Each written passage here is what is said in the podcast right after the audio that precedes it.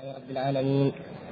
صلى الله وسلم وبارك على نبينا محمد المبعوث رحمة للعالمين. الذي أرسله الله تبارك وتعالى بالهدى ودين الحق والوسيلة إليه سبحانه وتعالى تبين لنا من الطاعات والقربات ما يوصلنا ونتوسل به إلى ربنا عز وجل. أما بعد أيها الإخوة الكرام فالمؤلف رحمه الله انتقل واستطرد في موضوع شفاعة النبي صلى الله عليه وسلم إلى موضوع الاستشفاع بالنبي صلى الله عليه وسلم أو غيره في الدنيا إلى الله تبارك وتعالى في الدعاء.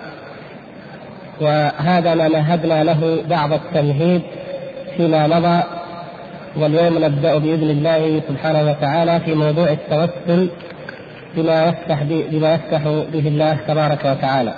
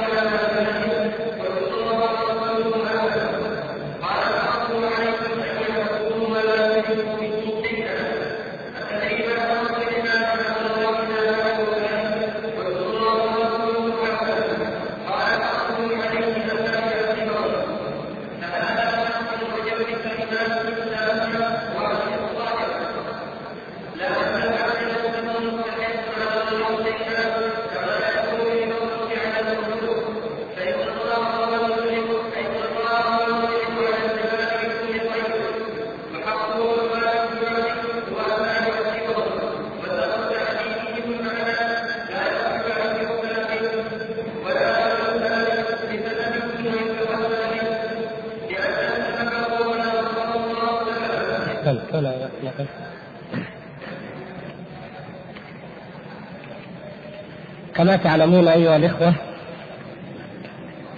الله سبحانه وتعالى هو الغاية التي يسعى إليها كل المخلوقين. يسعون إلى معرفة ربهم سبحانه وتعالى ويسعون إلى نيل رضاه ويسعون أو يحرصون على أن يدفع الله تبارك وتعالى عنهم ما يكرهون وأن يمن عليهم ويتكرم عليهم بما يريدون. فالأصل في البشرية جميعا هو هذا وأن اتجاهها هو إلى الله سبحانه وتعالى وأن غايتها وإرادتها تنتهي إليه سبحانه وتعالى. ولكن الانحراف يقع وقد وقع قديما وحديثا فيظن أن غير الله سبحانه وتعالى يملك ما يملكه الله أو يمكن أن يكون وسيلة إلى ما عند الله إلى ما عند الله وإلى ما يملكه الله سبحانه وتعالى. والقلوب لا تطمئن ولا تسعد ولا تسكن ولا ترتاح في هذه الحياة الدنيا إلا إذا عرفت ربها سبحانه وتعالى وتقربت إليه بأنواع القربات التي جعلها الله تبارك وتعالى وسيلة إليه. فهذه هي الوسيلة الشرعية. والله تبارك وتعالى لما أن علم ذلك وهو بكل شيء عليم وهو الذي جبل النفوس على ذلك الله تبارك وتعالى لما كانت النفوس هكذا مجبولة خلقها لا ترتاح ولا تطمئن ولا تسعد في الدنيا ولا في الآخرة إلا بعبادته. وبطاعته وبمعرفته وبالتقرب إليه وما عدا ذلك فشقاء وضلال وضياع ونكد. وهو أرحم الراحمين. وهو الغني سبحانه وتعالى. وهو الكريم الذي كرم بني آدم. وهو الذي امتن عليهم بالرسل. وهو الذي أنزل عليهم الكتب. فهو جل شأنه جعل هذا الباب واسعا جدا. وسع الله سبحانه وتعالى باب الوسيلة إليه. لأنه لا سعادة للخلق إلا به وهو سبحانه وتعالى جعل نعيمه مترتبا على التقرب إليه والتوسل إليه بما شرع وجعل عقوبته وعذابه لمن توسل أو تقرب إليه بغير ما شرع سبحانه وتعالى أو استكبر وأعرض عن التقرب إليه والتوسل إليه سبحانه وتعالى. والله سبحانه وتعالى كما تعلمون ذكر عن أفضل خلقه وأعلاهم درجة وأرفعهم أرفعهم رتبة وقربة من الله وقربا منه سبحانه وتعالى وهم الأنبياء فقال أولئك الذين يدعون يبتغون إلى ربهم الوسيلة يبتغون إلى ربهم الوسيلة أيهم أقرب؟ ويرجون رحمته ويخافون عذابه. إن عذاب ربك كان محذورا. فهؤلاء المدعوون وهم الأنبياء والملائكة والصالحون الذين ما دعوا وعبدوا إلا لمتابعتهم لطريق الأنبياء. هؤلاء أول وأعظم ما وصفهم الله سبحانه وتعالى به أنهم يبتغون إلى ربهم الوسيلة أيهم أقرب. والله تعالى أمرنا جميعا بان نبتغي إليه الوسيلة. يا أيها الذين آمنوا اتقوا الله وابتغوا إليه الوسيلة، يجب أن نبتغي إلى الله وأن نتزلف إلى الله سبحانه وتعالى ونطلب منه نطلب الوسيلة إليه والقرب منه.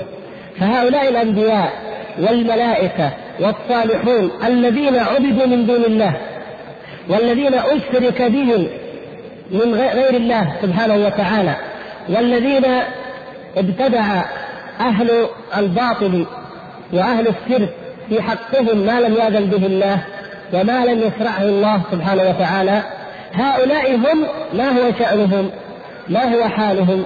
الله تعالى يريد أن يبطل الشرك المشركين ويبين فساده وأنه بني على كفى جرف الهار.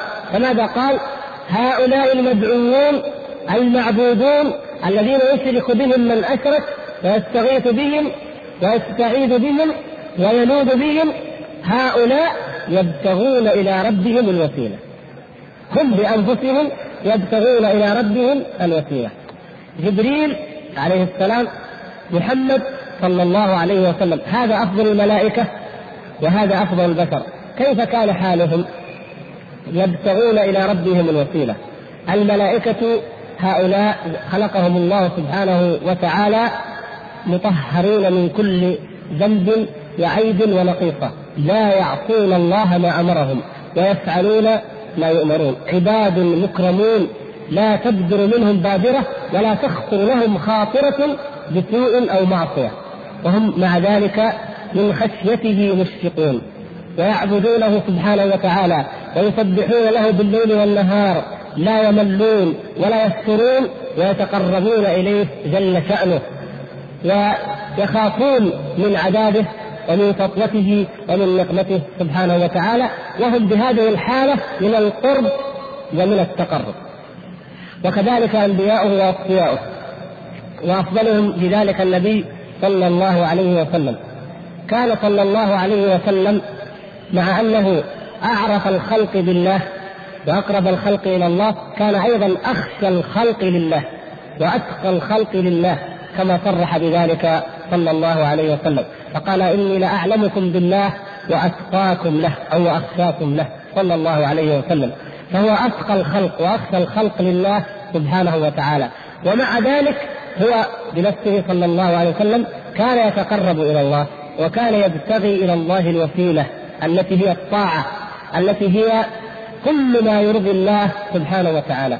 كل ما تستجلب به مرضاة الله. وكل ما يؤدي إلى جنة الله ووعد الله وكرم الله سبحانه وتعالى. فهذه هي الوسيلة. وبعث انبياءه الكرام جميعا ليعلموا الناس كيف يتوسلون إليه وكيف يتوصلون إليه. فلماذا؟ بالتوحيد. أعظم ما يتوسل به إلى الله سبحانه وتعالى هو توحيده جل شأنه. ثم بالعمل الصالح الذي يعمله الناس. فهذا هو هذه هي العبادة. عبادة الله توحيد الله وطاعة الله. هذه هي الوسيلة العامة أو الدعاء بمعناه العام. فكل العبادات دعاء وغرضها دعاء. والدعاء هو العبادة كما صح في الحديث عن النبي صلى الله عليه وسلم. فهؤلاء الذين يعبدون غير الله يدعون غير الله. ومن يعبد الله فهو يدعو الله. أو من يدعو الله فهو يعبد الله سبحانه وتعالى. فكل ما يريده الناس من قربة تقربهم إلى الله أو يتطلعون إلى وسيلة تكون لهم زلفى عند الله سبحانه وتعالى هذه قد جاء بها الأنبياء والرسل وامتن الله تبارك وتعالى بها عليهم وهي أعظم من امتن به حتى أن الله سبحانه وتعالى لما قال الرحمن علم القرآن خلق الإنسان علمه البيان فجعل منة تعليم تعليم القرآن قبل منة خلق الإنسان. لأن تعليم دين الله سبحانه وتعالى تعليم دين الله وما يقرب إلى الله وما يهتدي به المهتدي إلى الله أعظم من كونه خلق. وإلا كم من مخلوق ليس بمهتد إلى الله سبحانه وتعالى ولا يعرف الطريق إلى ربه ما فائدته؟ ما حياته؟ الأموات خير منه. وعدمه خير من وجوده. فلا يزكو الإنسان ولا يكون حيا حقا حق الحياة. أو من كان ميتا فأحييناه وجعلنا له نورا يمشي به في الظلمات. هذا هو المؤمن الذي أحياه الله سبحانه وتعالى وأنار قلبه بالإيمان وبالهدى وبالقرآن. فهذه العبادة بمعناها العام أو الدعاء بمعناه العام التوسل بمعناه العام إذا هو العبادة. هو تحقيق العبادة عبادة الله سبحانه وتعالى. فأي واحد يعبد الله أي إنسان يعبد الله ويتقرب إليه فهو يتوسل إلى الله سبحانه وتعالى. ولهذا لا طريق للتوسل إلى الله سبحانه وتعالى إلا ما شرعه الله ما أنزله على نبيه محمد صلى الله عليه وسلم وما سنه رسول الله صلى الله عليه وسلم. وما عدا ذلك فلا يوصل إلى الله ولا يقرب منه بل هو طريق الضلال والغواية وفي ونهايته إلى النار وإلى غضب الجبار تعالى وتقدس. والناس انحرفوا في مفهوم التوسل فوقعوا في التوسل بالذوات بذوات المخلوقين حتى بلغ بهم الأمر أن عبدوا أولئك المخلوقين وما كان غرضهم في الأصل إلا أن يتوسلوا بذواتهم أو يتقربوا بهم إلى الله سبحانه وتعالى. وتعلمون ما هو أقدم شرك وقع في بني آدم. هو شرك من؟ شرك قوم نوح، نعم. كيف وقع الشرك في قوم نوح؟ بسبب هذا الأمر أنهم كان فيهم عباد أولياء أناس صالحون ود وسواع ويغوث ويعوق ونصر أناس صالحون عباد كما ثبت ذلك عنه عن النبي صلى الله عليه وسلم في حديث ابن عباس فهؤلاء الصالحون قال قومهم ماتوا كيف نتذكرهم؟ كيف نعبد الله مثل عبادتهم؟ كيف نتقرب إلى الله مثل تقربهم؟ فماذا عملوا؟ قالوا لو صورناهم فتذكرنا عبادتهم وتقواهم فعبدنا مثل عبادتهم واتقينا مثل تقواهم. فلما صوروهم وتناسخ العلم وجاءت الأجيال بعد الأجيال نسيت القضية الأساسية وهي التذكر وأصبحت توسلا. فقالوا نتقرب بهؤلاء إلى الله نتوسل بهم إلى الله. فعبدوهم وأصبحوا يدعونهم من دون الله سبحانه وتعالى. وما كان غرضهم في الأصل إلا أن يتذكروهم ليعبدوا الله وليوحدوا الله كما وحدوه. لكن في الأخير أصبحوا يدعون أولئك يدعون تلك الصور وعبدت القبور من أجل ذلك. عبد الأموات والمقبورون من أجل ذلك سواء كانوا من الأنبياء أو الصالحين. ومن الناس من عبد الملائكة ومن عبد الكواكب والكل الهدف واحد. ما نعبدهم إلا ليقربونا إلى الله زلفى. فهذه هي يعني واسطة بيننا وبين ربنا عز وجل. وسيلة نتوسل بها إلى الله عز وجل. ولما أن بعث الله تبارك وتعالى نبيه محمدا صلى الله عليه وسلم بالهدى ودين الحق ورفع راية التوحيد ونشرها في الآفاق وحطم الله سبحانه وتعالى به الطواغيت والأصنام وهدمت بيوت النار وهدمت الصوامع الشركية وهدمت كل أنواع العبادات بما قدر الله تعالى أن تصل إليه دعوة الإسلام. ظل أعداء الإسلام يكيدون لهذه الأمة وحرصوا على أن يعيدوها إلى ملة الجاهلية الأولى وإلى التوسل أي إلى دعاء غير الله ودعاء الأموات. وعبادة الصالحين نفس الشرك الذي وقع فيه قوم نوح. يريدون أن يردوها إلى تلك القرون السحيقة وكأن نوحا لم يبعث ولا النبيون من بعده وآخرهم محمد صلى الله عليه وسلم. فكان أول من أحدث هذا في دين الإسلام وأحيا عبادة القبور وبنى الأضرحة والقباب هم العبيديون المتسمون زورا وبهتانا بالفاطميين. هؤلاء أحيوا ذلك وهذه الحركة الباطنية هي, هي العبيديون كما تعلمون هم فرع من فروع الحركة الباطنية جزء من المجوسية الباطنية أو من الباطنية التي كانت مكونة من اليهود والمجوس وأعوانهم ممن أرادوا هدم الإسلام عن طريق هذه الحيلة العظيمة. وكتابهم الذي يرجعون إليه والذي يقتبسون منه وينقلون منه والذي أرادوا أن يجعلوه بديلا عن القرآن الذي بأيدي المسلمين هو عبارة عن خمسين رسالة كتبت على رأس الثلاثمائة. وقال قيل إنه بدأ في كتابتها في أيام المأمون ولكن المترجح أنها على رأس الثلاثمائة وزيادة كتبت خمسون رسالة في الفلسفة كل رسالة لها موضوع معين من الموضوعات الفلسفية مشتقة ومستقاة من الفلسفة اليونانية القديمة ومن بعض فلاسفة الهند وفارس. أرادوا أن يجعلوا هذه هذه الخمسين الرسالة بديلا عن القرآن وكانوا يرجعون إليها وينسجون على منوالها ويهتدون بما فيها وما فيها إلا الضلال. وهذه الخمسون الرسالة سميت رسائل إخوان الصفا وخلان الوفا.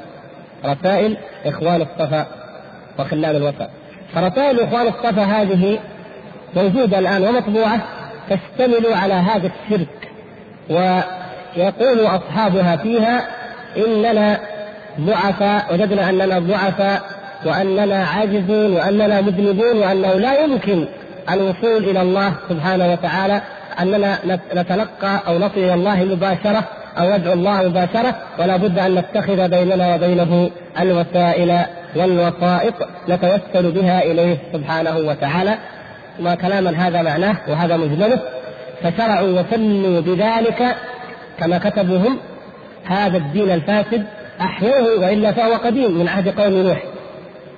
ولما أن سيطر هؤلاء العبيديون الذين كانت هذه الكتب والرسائل الفلسفية بمثابة المنهج الذي يسيرون عليه والدين الذي يهتدون به أو يتعبدون به لما أن حكموا العالم الإسلامي القسم الغربي منه.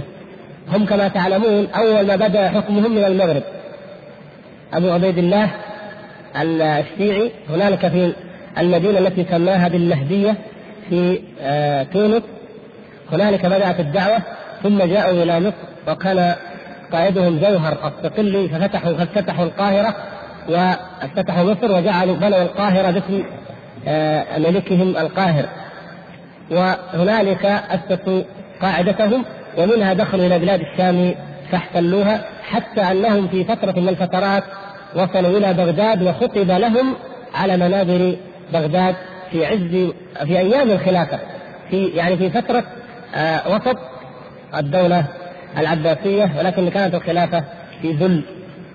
حتى جاء الترك من هنالك ملوك الملوك السلاجقة فطردوهم على ما هو مفصل في التاريخ. فاحتلوا هذه المساحة الكبيرة من المغرب مصر الشام وكذلك الحجاز واليمن. وكان في القسم الشرقي الذي يشمل آه، جنوب بلاد الشام وشرقيها جنوب العراق بلاد فارس شرق الجزيرة العربية كان القرامطة. أنشأوا دولا أيضا وكانوا هم وهم هؤلاء وهؤلاء على دين الباطنية. فهنا وهنا أعلن جهارا نهارا الكفر بالله سبحانه وتعالى والشرك به.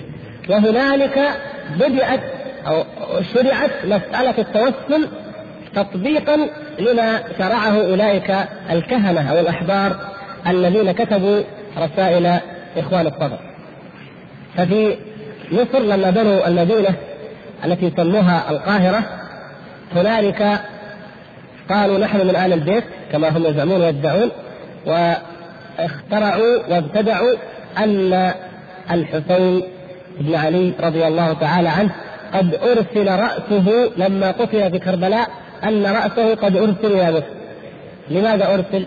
ليس لهذا أي ذكر في التاريخ وليس له من مبرر أن يرسل رأسه حتى قيل إن إن مجرد أن رأسه يرسل من كربلاء إلى. إلى دمشق أن هذا ما حصل أصلا لماذا يرسل رأسه؟ ليتأكد من موته وهل هو إنسان مجهول حتى يعلم أنه مات أم لم يمت؟ إذا مات الإنسان المعروف العظيم المشهور عند الناس معروف موت الكبراء والعظماء معروف سواء كانوا على حق أو على باطل أمر غير خفي. فزعموا وادعوا أن الحسين قد أرسل رأسه إلى مصر فقالوا نتوسل إلى الله بالحسين وبرأس الحسين. ثم وضعوا أيضا مشهدا لهذا للسيدة زينب وهذه السيدة النفيسة وهكذا حتى يؤكدوا أنهم من آل البيت وأنهم يعظمون آل البيت وأنهم يحيون ما اندرس من آه، شعائر الدين التي يستحقها أهل البيت والتي يأذن بها ويشرعها أهل البيت عملا بما جاء في كتب الرافضة قبحهم الله وما كذبوا, كذبوا به وافتروه على آل البيت أنهم هم الوسيلة إلى الله. كما في كتاب الكافي. فنجد كما تعلمون أن الأصل وأن المنبع واحد. هذا هو الذي أوجد قضية التوسل في العالم الإسلامي وأصبحت بهذا الشكل الذي ترونه الآن. أصلها هو هذا. فالرافضة رووا روايات كما في الكافي عن جعفر الصادق أنه قال نحن آل بيت رسول الله ونحن الوسيلة إلى الله. ولا وسيلة إلى الله عن غير طريقنا أو من سوانا. فقالوا إذا آل البيت هم الوسيلة إلى الله. وأولئك يزعمون أنهم من آل البيت فاتفقت الفكرة المجوسية القديمة مع تلك الفكرة الرافضية التي أيضا منابعها وأصولها مجوسية. والهدف عند الجميع واحد وربما كان المخطط أيضا واحدا. فهؤلاء في بلادهم أقاموا القباب والقبور وسيدوها وكذلك هؤلاء كل ذلك بدعوى محبة آل البيت والتقرب إلى إلى الله أو التقرب إلي إليهم على الأصح فهم يدعونهم ويستغيثون بهم والحجة أن هؤلاء يقربون إلى الله لأنهم أهل بيت رسول الله وهم الوسيلة إلى الله كما قال ذلك جعفر الصادق وغيره فيما يزعمون وفيما يؤلفون من إفك. وبهذه الطريقة انتشرت عبادة القبور.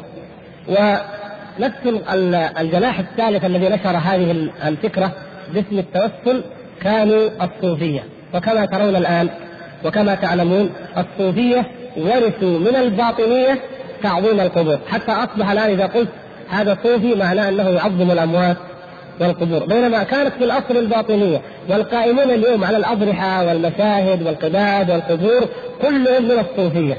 مما يدل على أن هناك أصلا مشتركا. كما أنهم يقولون إن أصل التصوف هو علي رضي الله تعالى عنه وأصل العلم الباطن هو علي.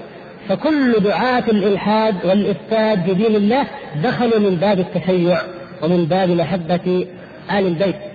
لكن يعني في المرحلة الأولى التي أو أول ما وجدت المشاهد والقباب هذه أوجدها أولئك العبيديون الذين كانوا كما قيل فيهم ظاهرهم الرفض يعني ظاهرهم رافضة شيعة وباطنهم الكفر المحض فكانوا لا يؤمنون بأي دين. فأظهروا المولد الاحتفال بالمولد وبنوا تلك القباب والقبور وعظموها وأصبحوا لا يبنى مسجد إلا على قبر. كما فعل النصارى تماما. الذين قال فيهم النبي صلى الله عليه وسلم لعن الله اليهود والنصارى اتخذوا قبور انبيائهم مساجد أو قال كلما مات فيهم العبد الصالح بنوا على قبره مسجدا. هذا هو بالضبط ما فعله أولئك وملأوا به العالم الإسلامي. وفي المقابل الرافضة بعد أن انقرضت وهلكت دولة العبيديين على يد الإمام أو الأمير المجاهد صلاح الدين الأيوبي رحمه الله تعالى. أثنى الله تعالى بسيفه أولئك المجرمين الزنادقة وأهلكهم. فبقي ورث ورث التركة الرافضة وورثها الصوفية فيما بعد.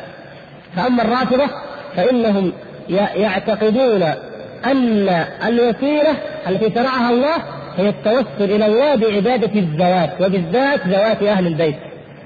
علي الحسن حسين العقيل صاحب السرداب هذا المعدوم الموهوم وغير ذلك.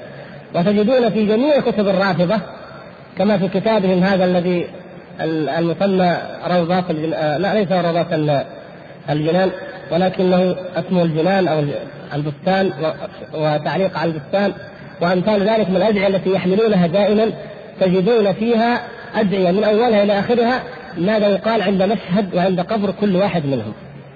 حتى ألف أحدهم ومن كبرائهم الخبيث المسمى آه، ابن المفيد ألف كتابا سماه مناسك المشاهد. مناسك المشاهد. كما أن للحج وللعمرة مناسك فجعلت الرافضة مناسك لزيارة المشاهد. وكتبوا في كتبهم الكثيرة أن من زار قبر الحسين فهو أفضل ممن ذهب أو زار أو حج أو زار قبر النبي صلى الله عليه وسلم. وحتى أنهم قالوا إن تربة قبر الحسين أفضل من الكعبة. وهذا موجود في هذا الكتاب وفي غيره. من الكتب التي هي كتب أذكار تطبع بحجم صغير أو كبير وتحمل في يعني محفظة كل إنسان منهم يذكر وليدعو بها. شعرا ونثرا أن تربه الحسين أفضل من الكعبة وان من حج أو من جاء إلى زيارة الحسين فهو أفضل من حج إلى مكة قيل سبع مرات وقيل سبعين وقيل أضعاف ذلك. اذا هذا هو الغرض الأساسي. صرف الناس عن التوحيد وصرف الناس عن تعظيم ما عظم الله.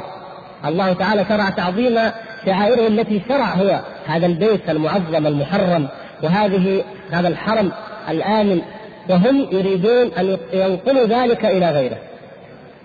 فهم فتحوا شرقا والعبيديون فتحوا غربا. فأصبحنا اليوم نجد في العالم الإسلامي نجد في مصر قبر يقال له الحسين أو مشهد الحسين وهو من أكبر أماكن العبادة لغير الله والعياذ بالله أكبر مواضع الشرك. وتجدون على حدود روسيا التي تسمى روسيا اليوم والتي هي في الأصل التركستان التركستان الإسلامية في شمال أفغانستان التي احتلها هؤلاء المجرمون الشيوعيون. نسأل الله أن يرفع أذاهم ويكفي المسلمين شرهم. هنالك في مدينة كبيرة مشهورة تسمى مزار شريف. يعني المزار الشريف. مزار من؟ يقولون هذا هنا قبر علي بن أبي طالب. وهذا مزار علي بن أبي طالب. هناك في في بلد ما وصل إليه أمير المؤمنين علي رضي الله تعالى عنه. وإنما المتواتر المعروف متواترا أنه قتل بالكوفة ودفن هنالك وذهل وانه قبره بينما هم هناك ويحضره كما أخبرنا بعض الإخوان الذين أخي على طريق الحق هنا منتصف الشريف. قالوا يحضر عنده بالآلاف كالحج كأنك ترى الناس في منى أو في عرفة وخاصة في فترات معينة من السنة. يحضرون هنالك من أفغانستان ومن باكستان ومن تركستان مناطق عديدة وترى الناس كأنك في المشاعر التي عظمها الله وقدسها وأمرنا أن نعظمها. فيحضرون هنالك. وأيضا في نفس الوقت تجد الحسين الذي قتل هنالك في كربلاء تجد أنه يعبد أين؟ في مصر. بل يعبد الحسين الآن في مصر. ويعبد دمشق ويعبد أيضا في العراق. فكله يدعي أن الحسين ها هنا. ولو ثبت أنه ها هنا لما صح أن يعبد الله عز وجل عنده عند قبره فضلا عن أن يعبد هو وأن يدعى هو.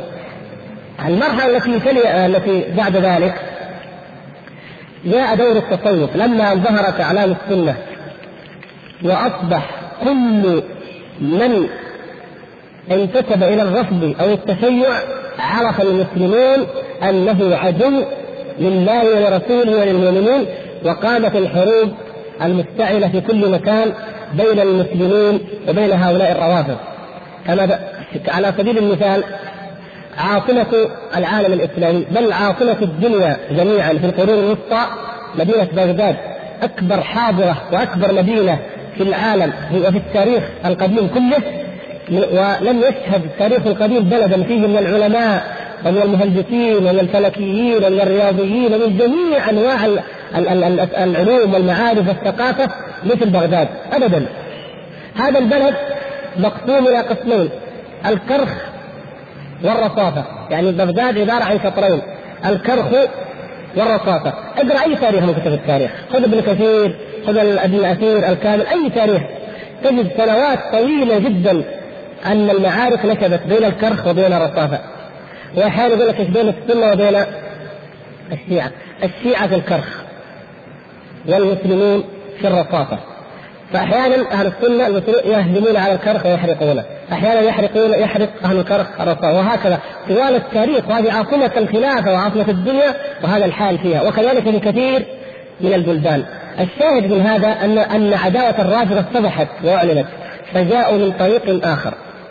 طريق آخر خفي وهو الأخبث وهو الذي لا يزال موجودا إلى اليوم وينشر الشرك شرك الرافضه وشرك العبيديين ويعظمه ويقدسه وقد ورثه وهم من الصوفية. هناك كتاب كتبه أستاذ تاريخ في جامعة القاهرة أستاذ من اساتذه التاريخ المتخصصين في عصر المماليك درس فترة عصر المماليك وهي من أعقد الفترات في التاريخ الإسلامي وأيضا فترة مجهولة تعتبر عند كثير من الناس. الفترة التي ما بعد سقوط بغداد إلى قيام الدولة العثمانية أكثر الناس لا يدرك من أمورها وأحوالها شيئا أو ما قبل ذلك. ما ما بعد سقوط الأيوبيين تقريبا. فهؤلاء المماليك وما حصل لهم وما كان في أيامهم حصلت أمور جديدة في التخطيط ضد الإسلام. هذا المؤرخ وهذا أستاذ التاريخ ألف كتابا كبيرا عنوانه السيد البدوي بين الحقيقة والخرافة. عنوان الكتاب السيد البدوي بين الحقيقة والخرافة. وجدير بمن عثر عليه أن يقرأه وأن يشتريه.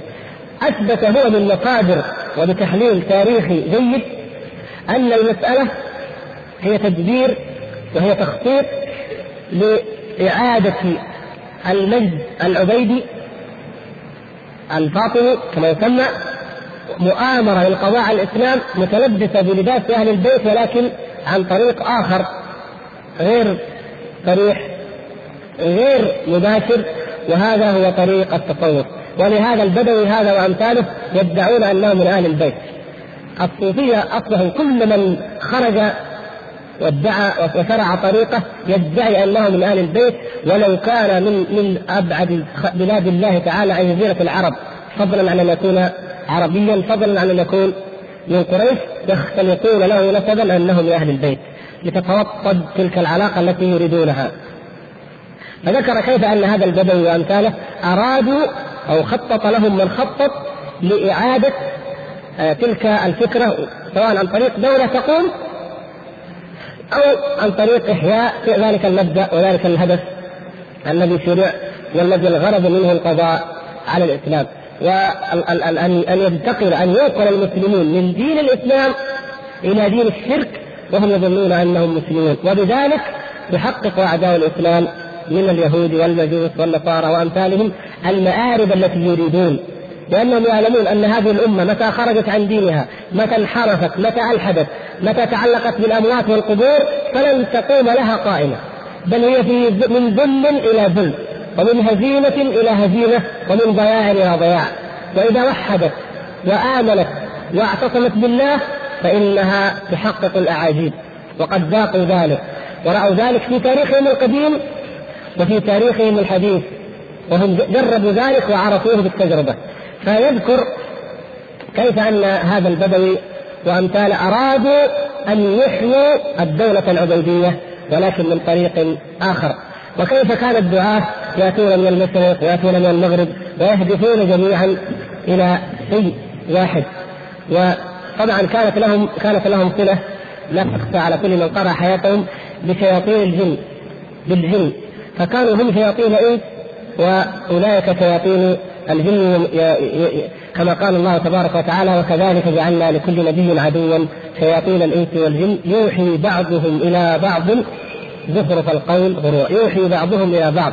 فكانوا يستعينون بأولئك الشياطين ويدعون الكرامات والخوارق والمخاريق الكاذبة حتى سحروا ألباب الناس وسخروا من عقولهم فغنموا الأموال غنموا الجاه غنموا السلطة وغنموا كل شيء باسم أنهم أولياء لله سبحانه وتعالى وأتقياء ومن أهل الدين ومن أهل الولاية والقربة.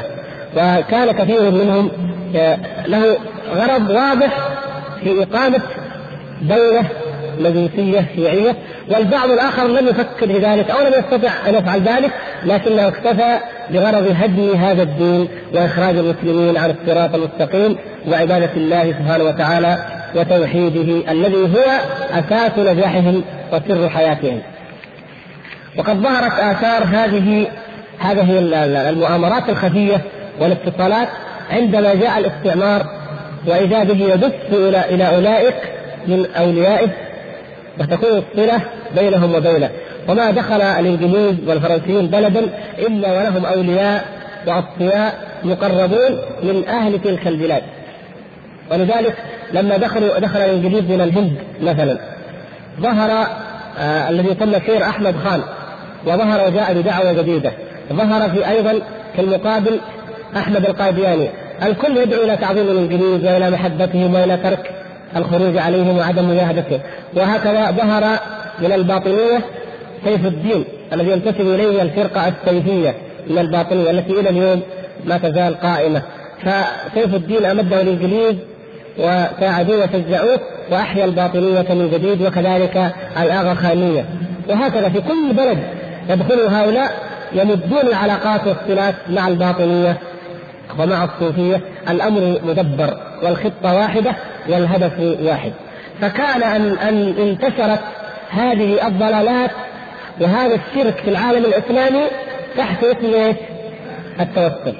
فإذا قلت لأحد يا أخي لا تشرك بالله. يقول يا علي يا حسين يا عباس يا كذا. لا تدعو غير الله. يقول أنا ما أشرك بالله. أنا إنسان مذنب ضعيف لا أستطيع أن أدعو الله. الله لا يقبلني مباشرة. فأنا أتوسل إلى الله بدعاء هؤلاء الأولياء وهؤلاء الصالحين. فقط هذا توسل. والتوسل يقول لك هو بعض العلماء يقول بدعة وبعضهم يقول لا بأس به. فينقلك من هو يفعل التوسل الشركي ويحاول أن يجعله من التوسل البدعي. والتوسل البدعي هو الذي تكلم عليه الشيخ رحمه الله تعالى هنا والذي سوف نشرحه بإذن الله. لكن رأينا أن أهم منه وأولى الحديث عن التوسل الشركي الذي ابتدأ منذ أن عبد الرجال الصالحون من قوم نوح وانتهاء بما ترونه اليوم مما يعبد في شرق الدنيا وغربها من الأضرحة والقبور. والاولياء بهدف وبحجه واحدة هي التوسل وكثير من الناس أصحاب علم في تلك البلاد أصحاب علم وأصحاب عمائم ولديهم الباع الطويل في في الفقه وفي غيره ولكنهم واقعون في هذا الشرك والعياذ بالله أو يبررونه أو يفلسفونه ويقولون هذا هو التوسل بل يقولون إننا نتبرك يسمون الأماكن تلك الأماكن المباركة الأماكن المقدسة الأماكن الطاهرة ويحرصون أن يعقد الزواج في تلك الأماكن المقدسة كما يزعمون. أن تكون حلقات العلم في تلك الأماكن المقدسة كما يزعمون. وهكذا. يعني بلغ تقديسها وتعظيمها كأنك كأنما كأنك تقول أنت أيها المؤمن الموحد السني أننا في بيت الله أو في مسجد رسول الله صلى الله عليه وسلم أو في المسجد الأقصى. فالمساجد العادية التي هي فعلا بيوت لله وأمر الله أن ترفع وأن تقدس وتعظم هذه البيوت لا تعظم إلا إذا كان فيها شرك. أعظم ما يعظم من البيوت ما كان فيه شرك. ولهذا يا إخوان العلامات كثيرة والأمر واضح لكن كدلائل يعني تجدون أن زعيم الباطنية الآغاخانية وزعيم أيضا ما يسمى بالصوفية الجديدة وأمثالها هؤلاء يتبرعون بالمنابر وبالقباب وبتجديدها وتلميعها على الأضرحة وعلى المزارات التي يعبد فيها غير الله سبحانه وتعالى وينفقون على ذلك الأموال الطائلة وتطلى بالذهب وبأفخم أنواع الرخام والفضة والخشب النادر الثمين وأمثال ذلك. ينفق الباطنيون على أو الصوفيون على هذه ويعظمونها. وأولئك المغفلون السذج يتقربون إليها ويعبدونها. واحد من الكتاب المسلمين هو أصلا صحفي يكتب من زمان يكتب في الصحف وعنده يعني آه، أدب أدب وصحافة وثقافة عامة له عالم وله أزهري ولا شيء من هذا بل هو يعني عمله عادي جدا هو تقريبا كيميائي كما فهمت هذا الرجل عاش مأساة هذه الأمور ثم هداه الله سبحانه وتعالى وعرف التوحيد على يد آه، الشيخ محمد جميل غازي عالم معروف من دعاة أنصار السنة في مصر. فكتب كتيبا صغيرا يوزع يمكن رأيتموه أو طلعتم كنت قبوريا اعترافات كنت قبوريا. يعني لو واحد يقرأ يتحجب كيف كيف هذا هؤلاء الناس؟ هو يحاول أن يقنع اقرباءه يحاول أن يقنع أرحامه واصهاره يا ناس كيف هذا؟ يقولوا لا. نسمي الولد خروف باسم الخروف حق البدوي ونحمل الخروف لهذه المسافه الطويلة في القطار إلى القاهرة إلى طنطا. لماذا؟ ليذبح للبدوي لأنه هو الذي حفظ هذا الولد نعوذ بالله أو لكي يعيش هذا الولد. نسأل الله العفو والعافية، كتاب موجود وقراتموه يعني أمور والله لا يصح معها معها دين ولا صلاة ولا صيام، افرض أن هذا الذي يعتقد ذلك صلى ما شاء، عبد ما شاء، جاهد ما شاء، قتل من أعداء الله ما قتل، وهو يعتقد أن البدوي يحيي يرزقه الولد أو يحيي ولده ويحفظه من الموت. بالله عليكم أي أي عبادة تقبل منه؟ والله تبارك وتعالى يقول وقدمنا إلى ما عملوا من عمل فجعلناه هباء منثورا. فإذا خاطبت هؤلاء الجهال احتجوا بالعلماء. أنا يقول لك أنا كل الناس كذا. انظر إلى فلان وفلان يجيب لك أسماء. علماء كبار في البلد. كل الناس كذا واذا إذا يذكر العلماء قالوا يا شيخ هذا توسل. ما التوسل؟ هذا كله توسل فقط. نتوسل إلى الله. ما في شرك. الشرك أن تعتقد أن أحدا غير الله يؤثر في شيء من الأشياء. فإنه لا فاعل إلا الله ولا مؤثر إلا الله. فجعلوها جبريه محضة وأثبتوا جزءا أو هو توحيد الربوبية ليس حتى هو توحيد الربوبية الحقيقي وإنما هو ما ظنوه أو فهموه أنه هو التوحيد هو أن تعتقد أن الله هو خالق كل شيء وأنه هو الفاعل لكل شيء. وهذه قضية سوف نتعرض لها إن شاء الله فيما بعد عندما نتكلم عن القدر. ونبين لكم أن عقيدة أن الله هو الفاعل لكل شيء أن هذه عقيدة شركية باطلة. ويكفيكم الآن أن تعرفوا أن معنى اننا نعتقد أن الله هو الفاعل لكل شيء أنه إذا زنى زان نقول من فعل الزنا؟ ماذا يقال؟ عياذا بالله.